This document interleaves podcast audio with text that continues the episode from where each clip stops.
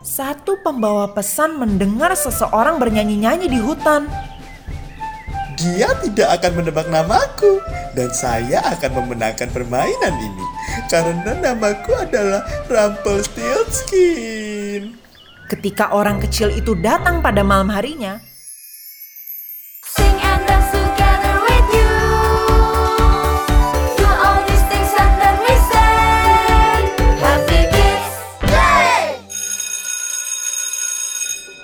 Selamat pagi anak-anak. Coba kalian sebutkan nama tersulit yang pernah kalian dengar. Hmm, apa ya? Kalau nama yang bagus, aku tahu, Bu. Nah, cerita kali ini memiliki judul Rumpelstiltskin. Ram, rampel, ramsit, ram, rample, ram, nggak tahu. Gimana, Bu? Gimana?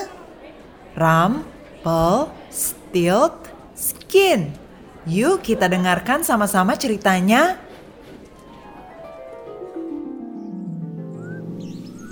Ini adalah kisah tentang seorang tukang giling, anak perempuannya yang cantik, dan seorang aneh yang mengubah hidup mereka selamanya.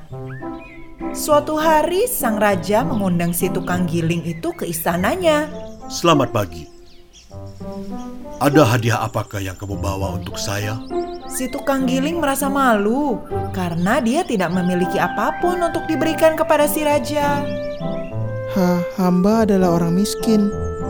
Saya hanya memiliki pekerjaan saya dan anak perempuan saya yang cantik.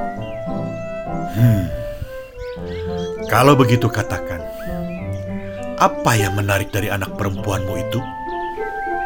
Anak perempuan si tukang giling itu adalah perempuan yang manis dan cantik.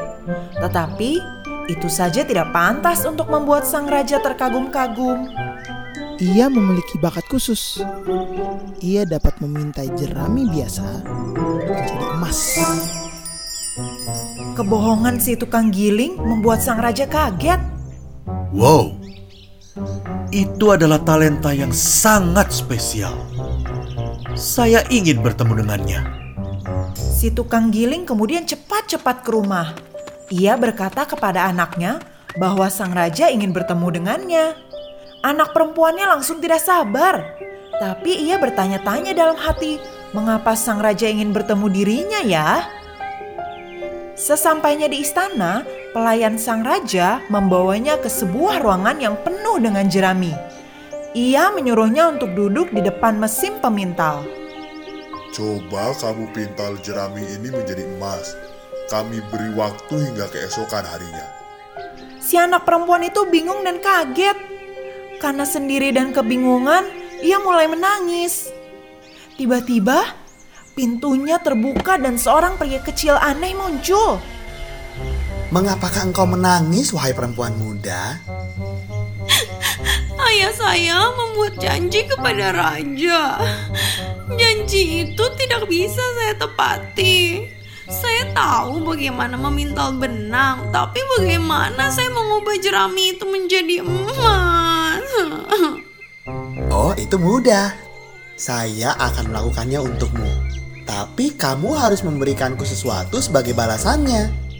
Si anak perempuan itu tidak memiliki apa pun pada dirinya selain kalung dan cincin pemberian ibunya. Ia memberikannya kepada orang kecil aneh itu yang kemudian cepat-cepat bekerja. Ia meminta jerami itu menjadi emas dan sebelum pagi hari tiba, ia sudah menghilang. Keesokan harinya, sang raja terkagum karena melihat ruangan itu penuh dengan untayan emas. Bagus sekali. Bagus sekali. Ayahmu benar. Kamu memiliki bakat yang sangat istimewa. Sang raja kemudian membawanya ke ruangan lain yang lebih besar. Ruangan itu berisi jerami hingga ke langit-langitnya.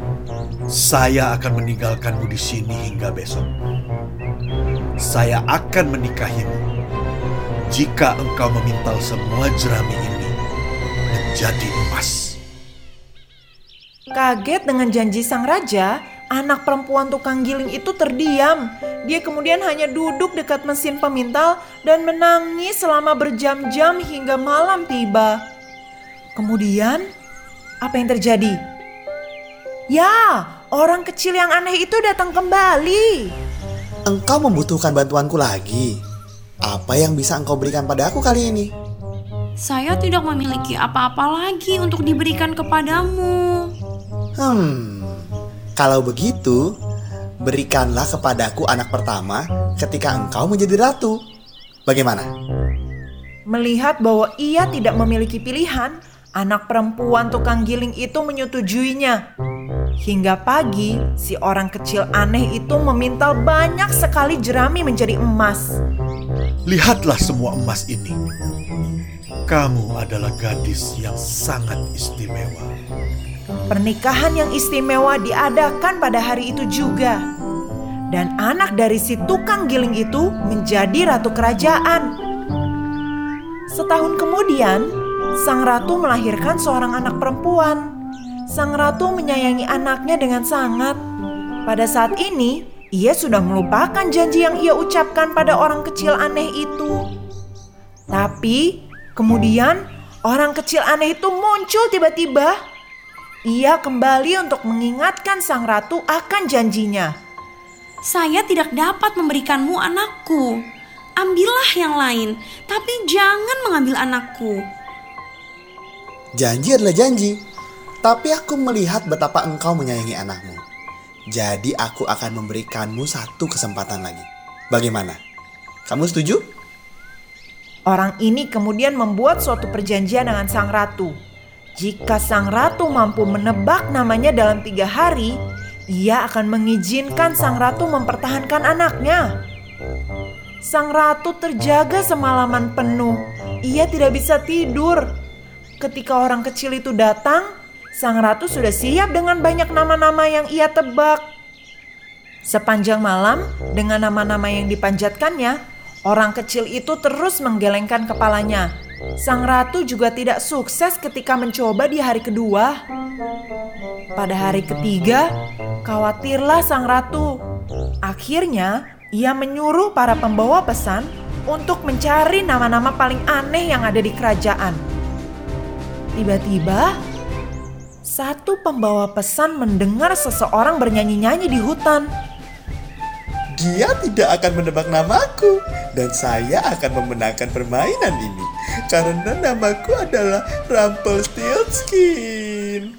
Ketika orang kecil itu datang pada malam harinya, sang ratu bertanya. Apakah namamu Rumpelstiltskin? Sang ratu tersenyum dan menggendong anaknya dengan erat. Namun orang kecil itu marah dan menghentakkan kakinya hingga ia terjatuh di lantai.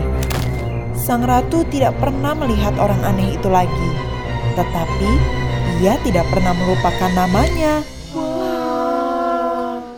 Ibu, tadi bagaimana sih cara membacanya? Kok susah banget?